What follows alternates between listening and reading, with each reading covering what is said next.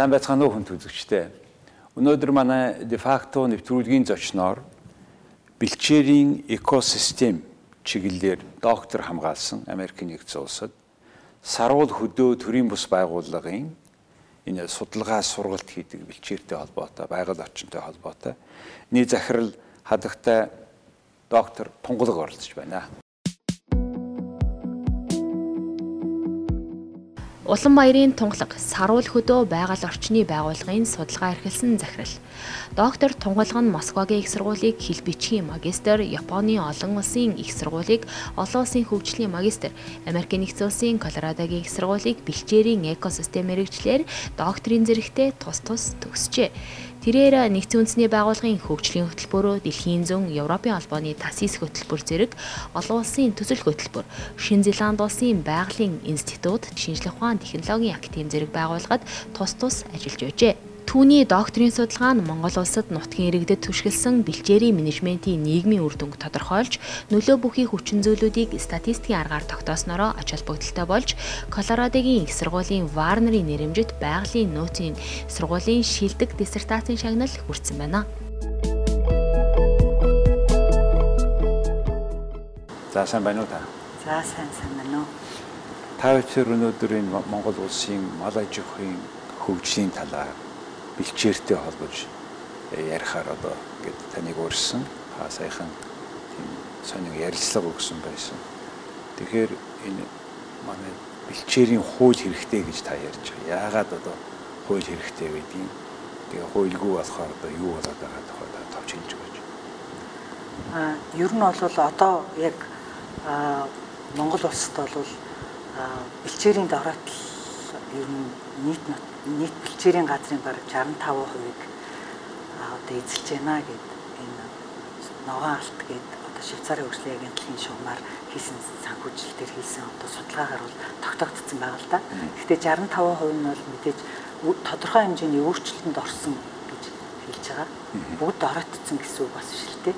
Тэгэхээр одоо тэр англиар бол ер нь иргэд буцалтгүй өөрчлөлтөнд орсон буюу одоо бэлчээр доройтоод дахиж нөгөө өмнө нь уруудаг байсан урамлууд одоо ургахаа байлгах тэр төвшний өөрчлөлт болох хамгийн одоо аюултай.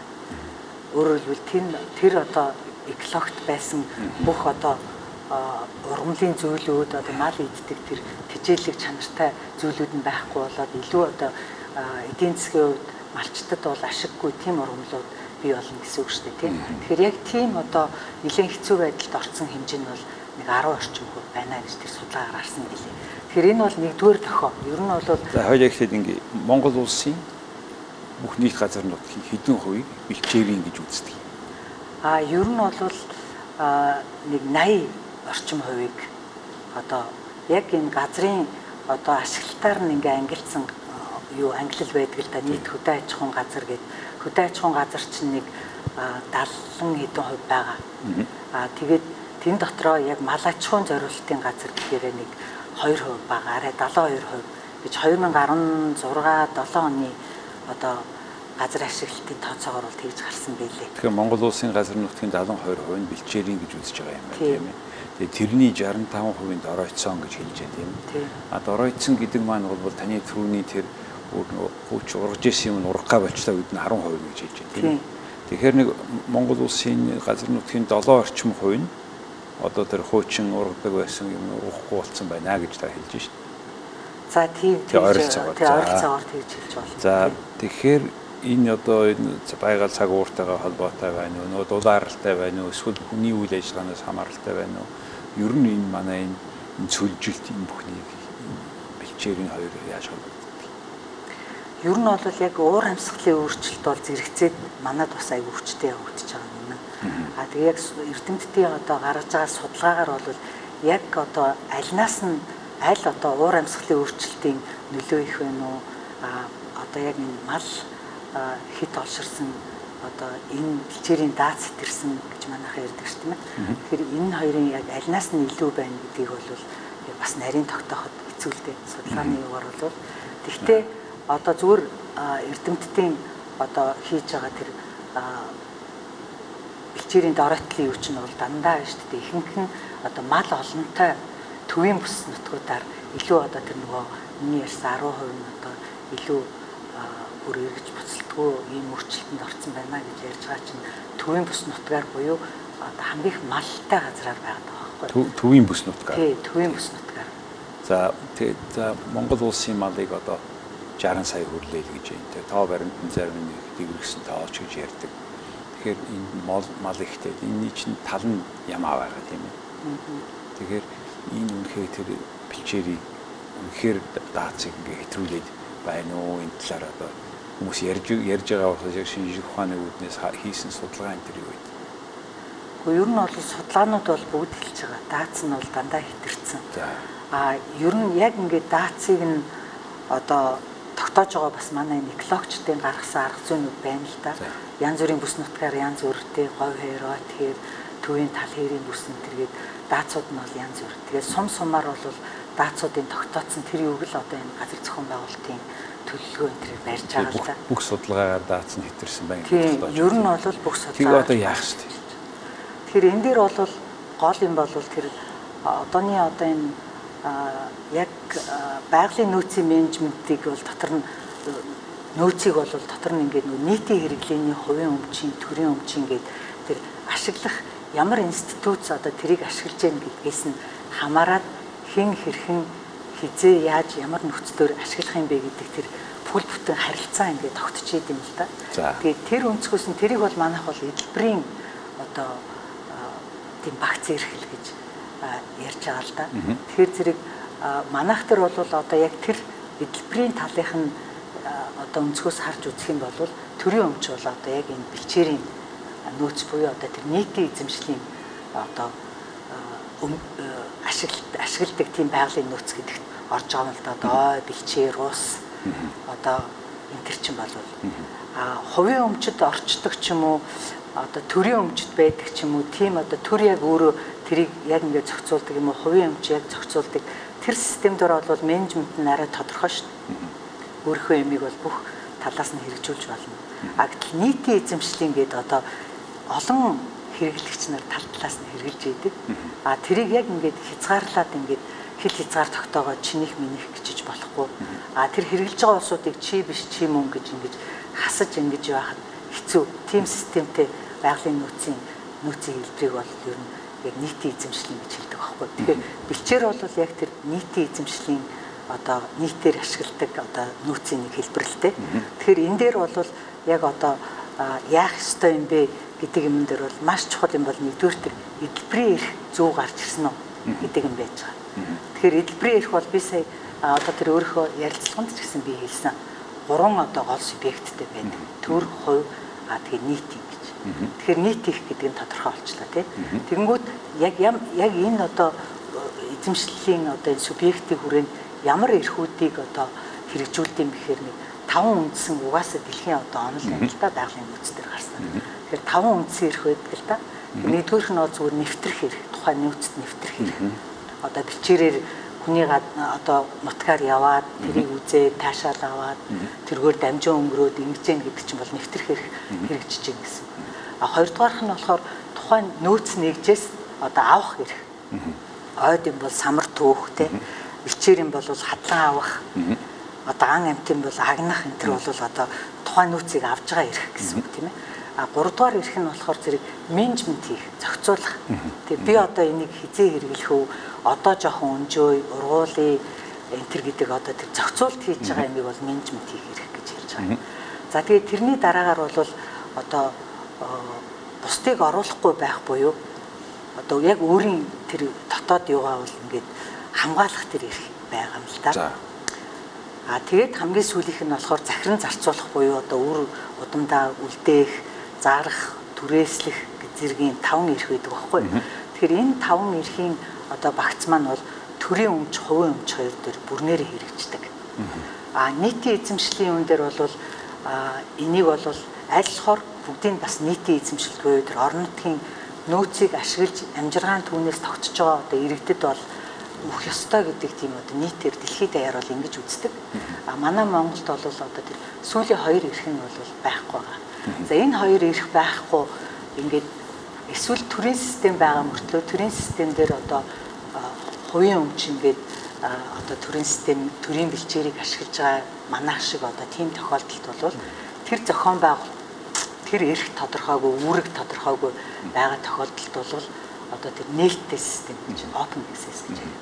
Тэгэхээр энэ бол одоо хэний ч биш тэр замбраагүй байдал үүсдэг. За энэ замбраагүй биш энэ байдлаас болоод. Тийм. Тэгэхээр одоо миний тэр урт удаа яриад байгаа юм болохоор тийм байдал Монголд үүссэн учраас төрөний нөгөө ярьдаг бэлчээрийн талхтал доройтол гэдэг юм чинь болон гэхээр нүүрлж байгаа. Тэгээ энэ бүхний цаана бол эзэнгүү, эзэнгүү нэртэй, төрийн нэртэйгэр бол яг яг бүх малчтын ч эзэмшихгүй байгаа тийм байдалд орчод байгаа юм шүү. Тийм. Тэгэхээр та энэ одоо хөдөө аж ахуйд за малчин гэдэг ойлголтын тухай ярил л да хэдийн хүн байдгийг бүх малын хэдэн хувийн тэр малчин гэдэг хүндээ ногддгийг хэдэн хувийн малчин биш хүнд ногддог энэ тухай ямар судалгаа байна?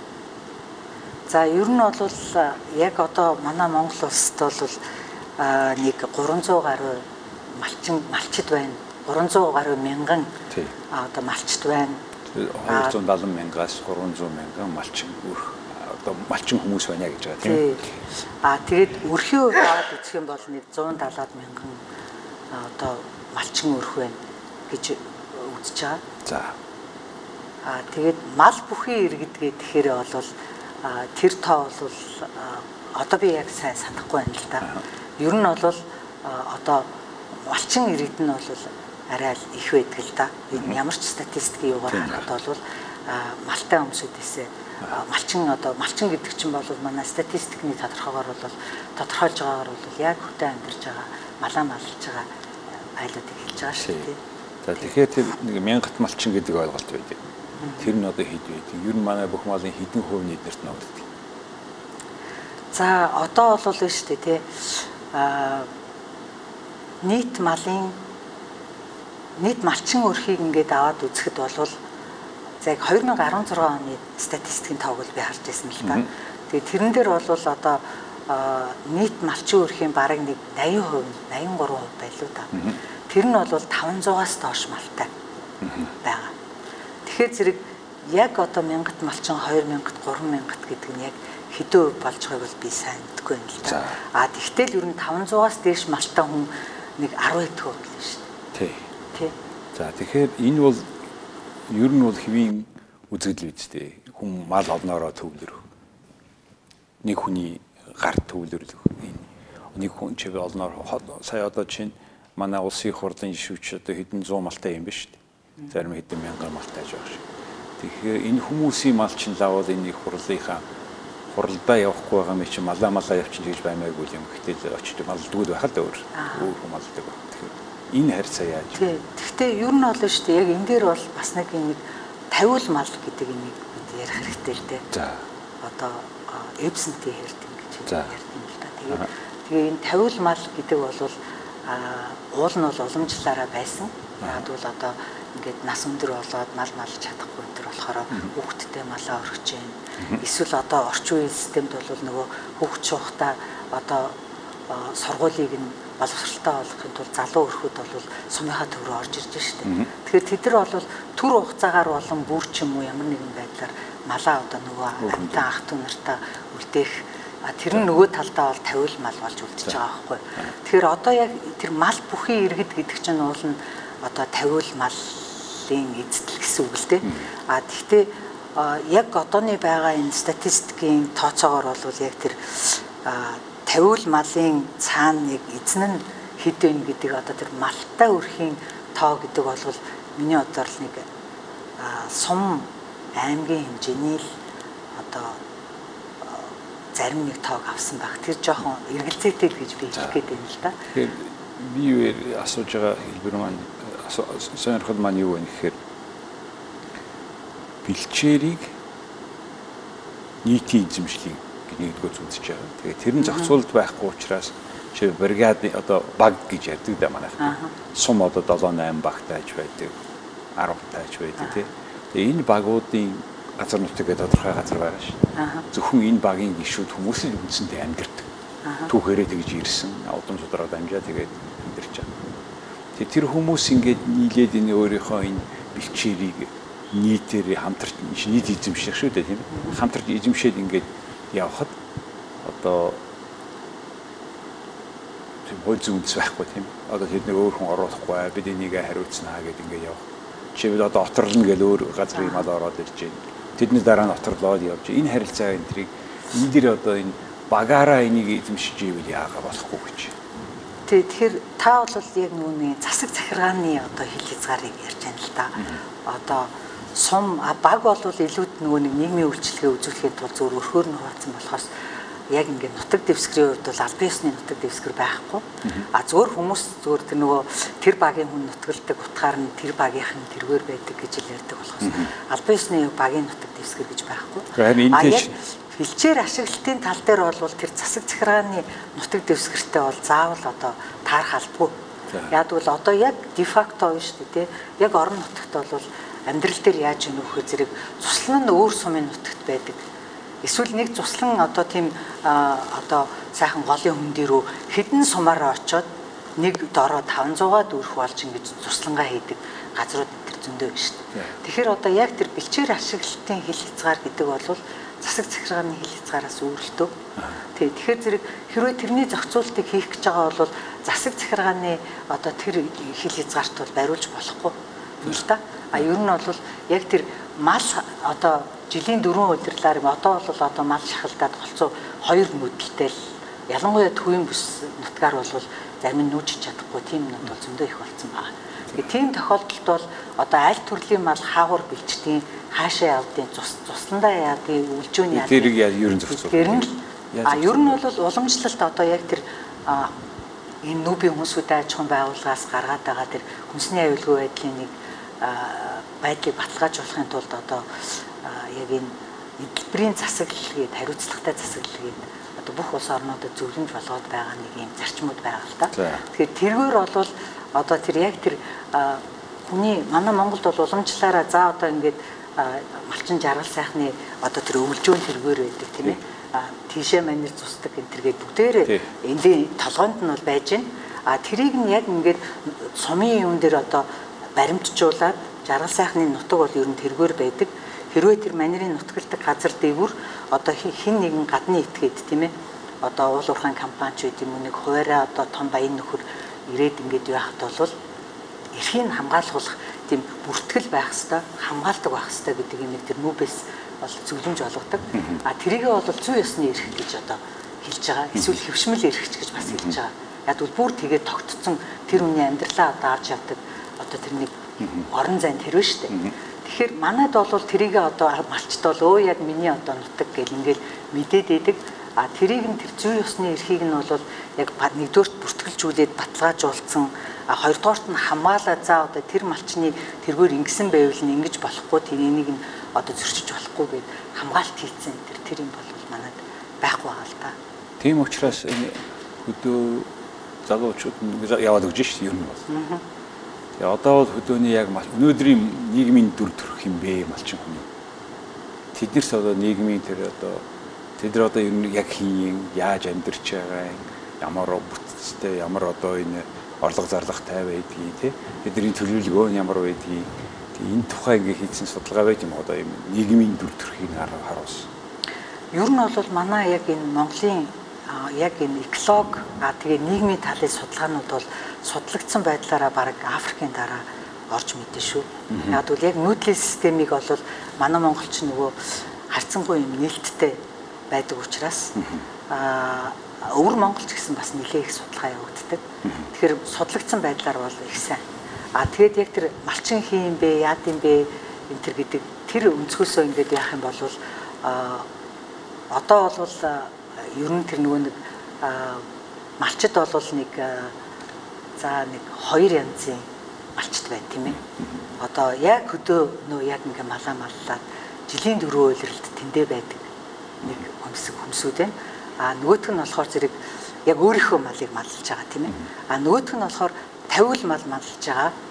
Одоо гэрэт малчд гэж байна. Одоо хөлс аваад одоо тэр нөгөө төрөүний таны хүнджилсэн одоо улсын хурлын гишүүдч гэдэг юм уу одоо дундаж давхаргын бат бас хоц суурин газрын одоо малд дуртай хөдөөнөөс гаралтай болохоор тэр одоо нэг юм сэтгэл зүйн энэ юугаа бас ингэж үргэлж санагалдж идэг хүмүүсүүд биш үү хөдөөгөр малтай. Тэгэхээр тэр улсууд чинь дандаа тийм бас одоо өөрөө ямар нэгэн байдлаар малгүй болцсон тийм хүмүүсүүдийг гэрээлээд малаа мал болж байгаа шүү дээ. Тэгэхээр хөдөөний малчд бол ийм хоёр янз. За яг амьдрах амьдралын хэв маягийн хувьд бол адилхан. Ер нь бол одоо ингээл нүгэл жилийн дөрөв дөрөв удирлаар бол баг нүүж чадхаа болчиход байна гэж ярьж байгаа шүү дээ. Ер нь бол нэлээд алс хязгаарлагдмал одоо бүс нутгаар тийм одоо ховд хөвсгөлч гэдэг юм уу, говьалтай, баян хамрын нутгаарч гэдэг юм уу. Тэргээр бол тодорхой хэмжээгээр нүүдэл бол байна Аа тэгээд яг энэ төвийн бүсээр бол ер нь мөнхөд их хэцүү болсон. Зөрчил ихтэй ийм байж байгаа.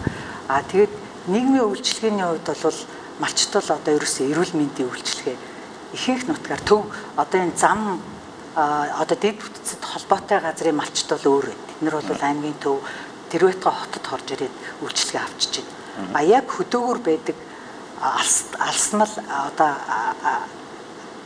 одоо алсад алтмал газрын малчт бол үнэхээр одоо тийм эрүүл мэндийн үйлчлэгийг авч чаддгүй гэж одоо биднээс бид нар бол өөрсдөө бас судалгаа зөндөө хийж байгаа л гэсэн. Хамгийн саяхны судалгаа гэтэл бид нар энэ нөгөө Америкийн The Nature Conservancy гэдэг одоо байгууллагын санхүүжилт төр гурван газар судалгаа хийсэн.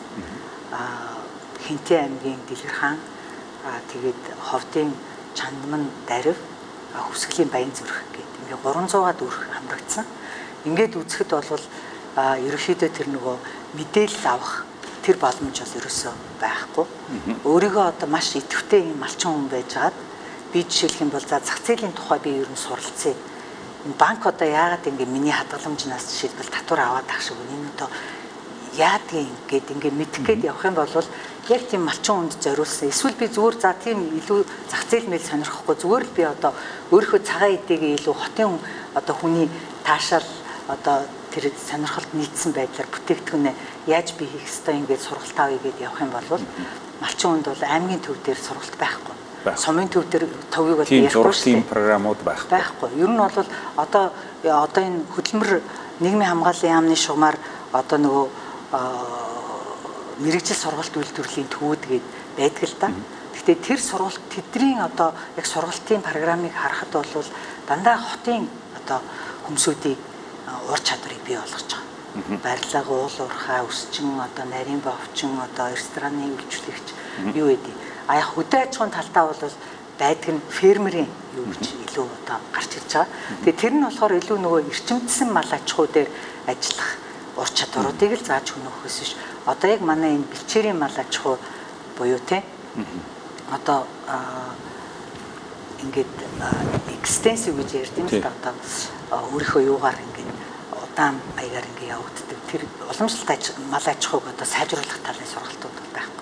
Тэгэхээр та тэрийг ярьж байгаа сэдвээс юу харж болох вэ гэхээр энэ бэлчээрийн аж ахуй чинь ингээд явагдана. Тэгвэл энэ соёл Монгол уламжлалт ёстой ч үлдэнэ. А яг өнөөдрийн байдлаар энэ алга болно. Яг тэгвэл энийг хамгаалсан баталгаажуулсан ямар нэг систем байхгүй юм. Засаг захиргааны нэг сум баг юм байгаа болохоос биш. Тэгэхээр яг энэ маягаараа бол ингээд тэгээд нөгөө яг хөдөө мал зарим хөдөө байгаа энэ хол газар байгаа малчид нэг өшгөөж очихгүй нүдд зовхон чих байна тий. Тэгээд нөгөө эдийн засгийн хувьд эргэлтэнд орж чадахгүй. Энэ байдлаараа бол ингээд үндсэндээ бэлчээрийн мал аж ахуй ингээд дуусах юм бол Монгол улсын хөдөө гэдэг ойлголт нь фермерийн аж ахуй болж хувираа нэг хүнд одоо 500 600 малтай фермтэй нэг нэг эзэнтэй тийм юм ажиллаж байгаа хүмүүстэй ийм маягаар яг Америк маягаар ийм маягаар Монголын хөдөө явах гэдэг нүү эсвэл бид бэлчээрээр явж одоо бидний ууж идэж байгаа энэ мах найраг энэ юм чинь бэлчээрийн одоо алаж хаваас гаралтай биш. Энийг та яаж харж байна? Хаашаа явж байна бид? Тийм. Тэгэхээр ер нь бол яг ийм замбраагүй систем байлгаад байх юм бол энэ бэлчээр чинь өөрөө байгаль чинь өөрөө өөрийнх нь нөгөө нэг ийм хил хязгаар тэрнээс цааш бол яг энэ өнөөдрийн бидний хүсдэг тэр системийн хэв маягийг бол хадгалж чадахгүй гэдэг тийм юу байж штэ одоо трэшхолд гэдэг юм байна. Тэгэхээр тэрийгэ бүр даваа явцсан одоо системийг түрүү би 10% болчиход байна. Тэгэхээр өөр маягийн систем тэнд үүсэж байгаа. Экологийн систем тийм эсвэл их элсэн хөсрөстэй ч юм уу илүү хог ургамал ургасан ч юм уу. Тэгээ тэр бол нөгөө бидний идэх дуртай таны ярьдаг одоо саяны мал аж ахуйг бол дэмжиж авч явж чадахгүй. Монголчууд аа энэ манай мах бид махаа самжаан ч гэдэг юм уу те. Одоо бид нарыг өөрсдөө нэг амт биш те бид нар бид нэр өөрийнхөө Монгол хүн гэдгийг тэргээр төсөөлж болохгүй. Тэр юм алга болох гэдэг шүү дээ. Тий. Тэгэхээр тэгэхээр яах вэ? Тэгэхээр зэрэг одоо тэр одоо ямар ч үсэн хамгийн нэгдүгüрт бол тэр бэлчээрийг бол эзэнтэй тэр open систем буюу одоо тэр эзэнгүүд эзэнгүй систем гэдгээс бол одоо болох хэрэгтэй л та. А энийг бол одоо манайх ингээд дандаа ийм байсан гэж бодоод ер нь тийм бэлчээр эзэмтэй байж болохгүй гэж боддог байхгүй. А гэтэл тийм биш. Ерөөсө түүхээс би өөр одоо ярьсан шүү дээ нөгөө Чингис хааны бүр дээр үе одоо цааз бичиг те одоо янз бүрийн тэр одоо хуулиуд Монголын нууц товчоо энэ төргээд түүхийн судар бичгүүдээс харахад бол угаасаа газар нутаг бол хил хязгаартай хэний одоо айл ноёны айл одоо улус гэдэг чинь ер нь бол тэр үедээ одоо яг л бэлчээрийн газар тэрэн дээр тэрнийг бол одоо хариуцсан нэг юм ноён одоо тийм ээ. Тэгээд тэр тэр чинь ямар хоёр үндсэн юм дээр тогтож исэн гэхээр нэгдүгээрт бол тэр бэлчээр дээр бол мал аж ахуйн тогтно а мал аж ахуйгаар үр ашгаа хүртэж байгаа хүмүүсүүдээс нөгөө ноён маань татвараа авна. Одоо ийм л систем байсан. А тэгээд одоо бусдын бэлчээрлүү нөгөө хөрс зэрэгэлдээ одоо одоо ноёны ч юм уу одоо хин нэгний малаас ингээд орж ирэх одоо тэгж идэж байхгүй хавар бэлчээрийн одоо идэж шамшигдуулагч гэдэг юм уу. Тиймнүүд гарах юм бол маш хатуу нөгөө шаахааддаг барьдаг одоо янз бүрийн тэр сүүлийн манжин үед бол орж ирсэн цээрүүд нь тэр чинь ер нь тиймэрхүү юу хэрэгжүүлж исэн л одоо тийм. Тэгэхээр бэлчээрийг эзэнтэй болгохын тулд одоо яах вэ? Бэлчээрийн хууль гаргах уу? Хууль гаргах хэрэгтэй тийм. Тэгэхээр тэрэн дээр бол хуулийн дээрээ гэхдээ хуулиуд бол янз янзын хуулиуд бол зөндөө байсан.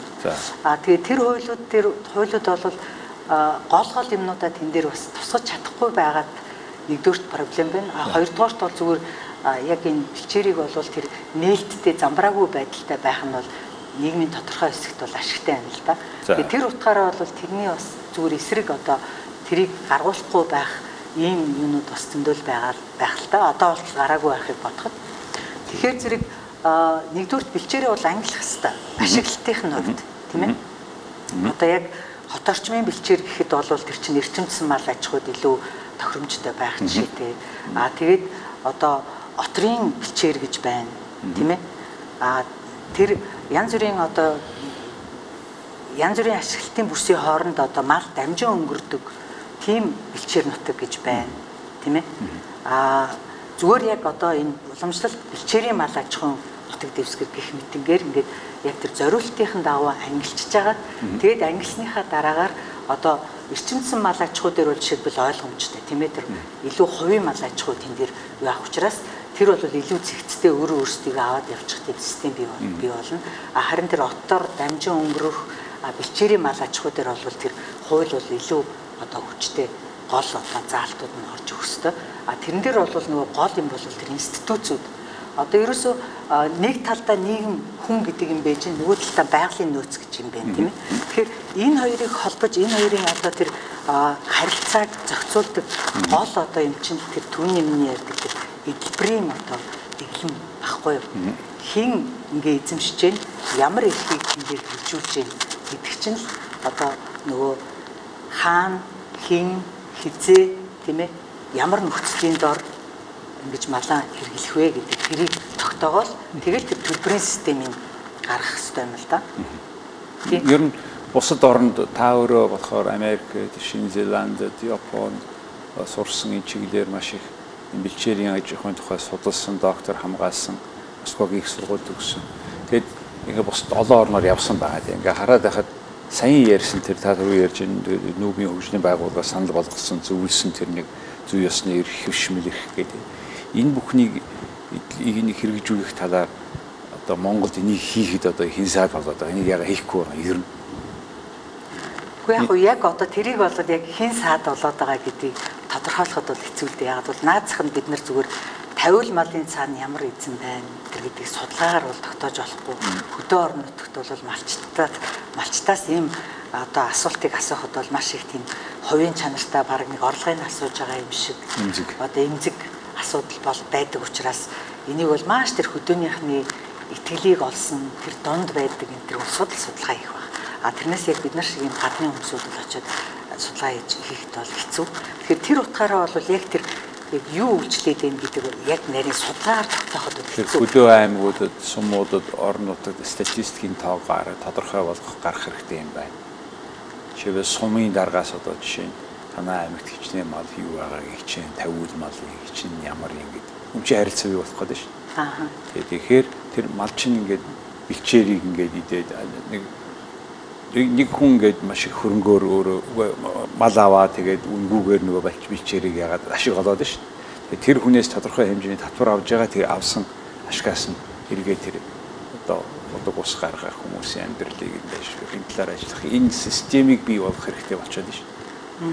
Ер нь бол одоо бид нар ч гэсэн социализмаас сурсан одоо гашуун төршлөг байгаа шүү дээ. Ер нь өмчийг а яг тэр хэрэгжилж байгаа юуг нь эзнээс нь холбуулахаар зэрэг л одоо эзэнгүй байдал бий болоод байгаа. Тэгээд социализм дампуурсан да. Гол шалтгаан чинь тэр байсан да тий.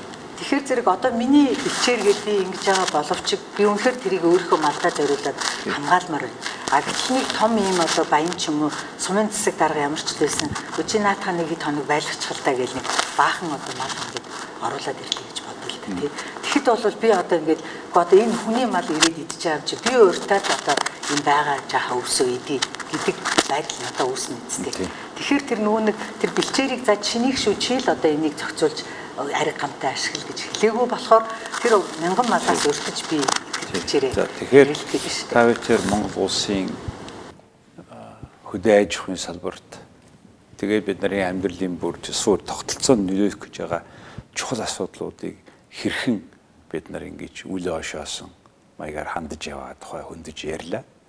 Тэгэхээр энэ тухай ингэж судалгаа хийгээд олон юм хүмүүс өөрсдийн эрдэмтэд мэрэгттэй болцсон сайн хэрэг. Танаа энэ саруул хөдөө гэж төрийн бус байгууллага руу хэрвээ манай малчид илүү тодорхой мэдээ хоролцъё, хамтрын талаараа хамтарч ажиллая гэсэн хүсэл байвал хандаж болно гэж ойлголоо. Тий. Тэгэхээр юу ч гэсэн таны та бүхний хийж байгаа ажлыг их чухал гэж бодож байна бид өөрсдөө байгаа юмыг дотроо яриад хилэлцээд мэтгэлцээ шийдэхгүй бол тэгээ асуудал өөрөө зөнгөөрөө явахаараа зэрэг дампуурл болно шүү дээ. Их баярлалаа таны хийж байгаа ажил. Манай нэвтрүүлэгт оролцсон талархаж байна. Тэгээ цааш тийм энэ хөдөлгөөгөө энэ ойлголтыг олон хүн дэмжих байх гэж бодож байна. Тэгээ хууль журам тэр эдлибрийн тэр ялангуяа эрхийг олгох өгөх хэрэгжүүлэх тий яг энэ талаар бол тодорхой ажил улс оронд хийгдэх ёстой гэдгийг бид энэ нэвтрүүлгээрээ харууллаа. Их баярлалаа. За баярлалаа. Та бүдгийн ажилд ч гэсэн амжилт хүсье. За эрхэм үзэгчдээ өнөөдөр манай факто нэвтрүүлгийн зочноор бид бэлчээрийн эрхийн тухай ярьлаа. Зочноор Улаанбаярын тунгалаг доктор энэ бэлчээрийн экосистемээр доктор хамгаалсан хүн оролцлоо. Их баярлалаа.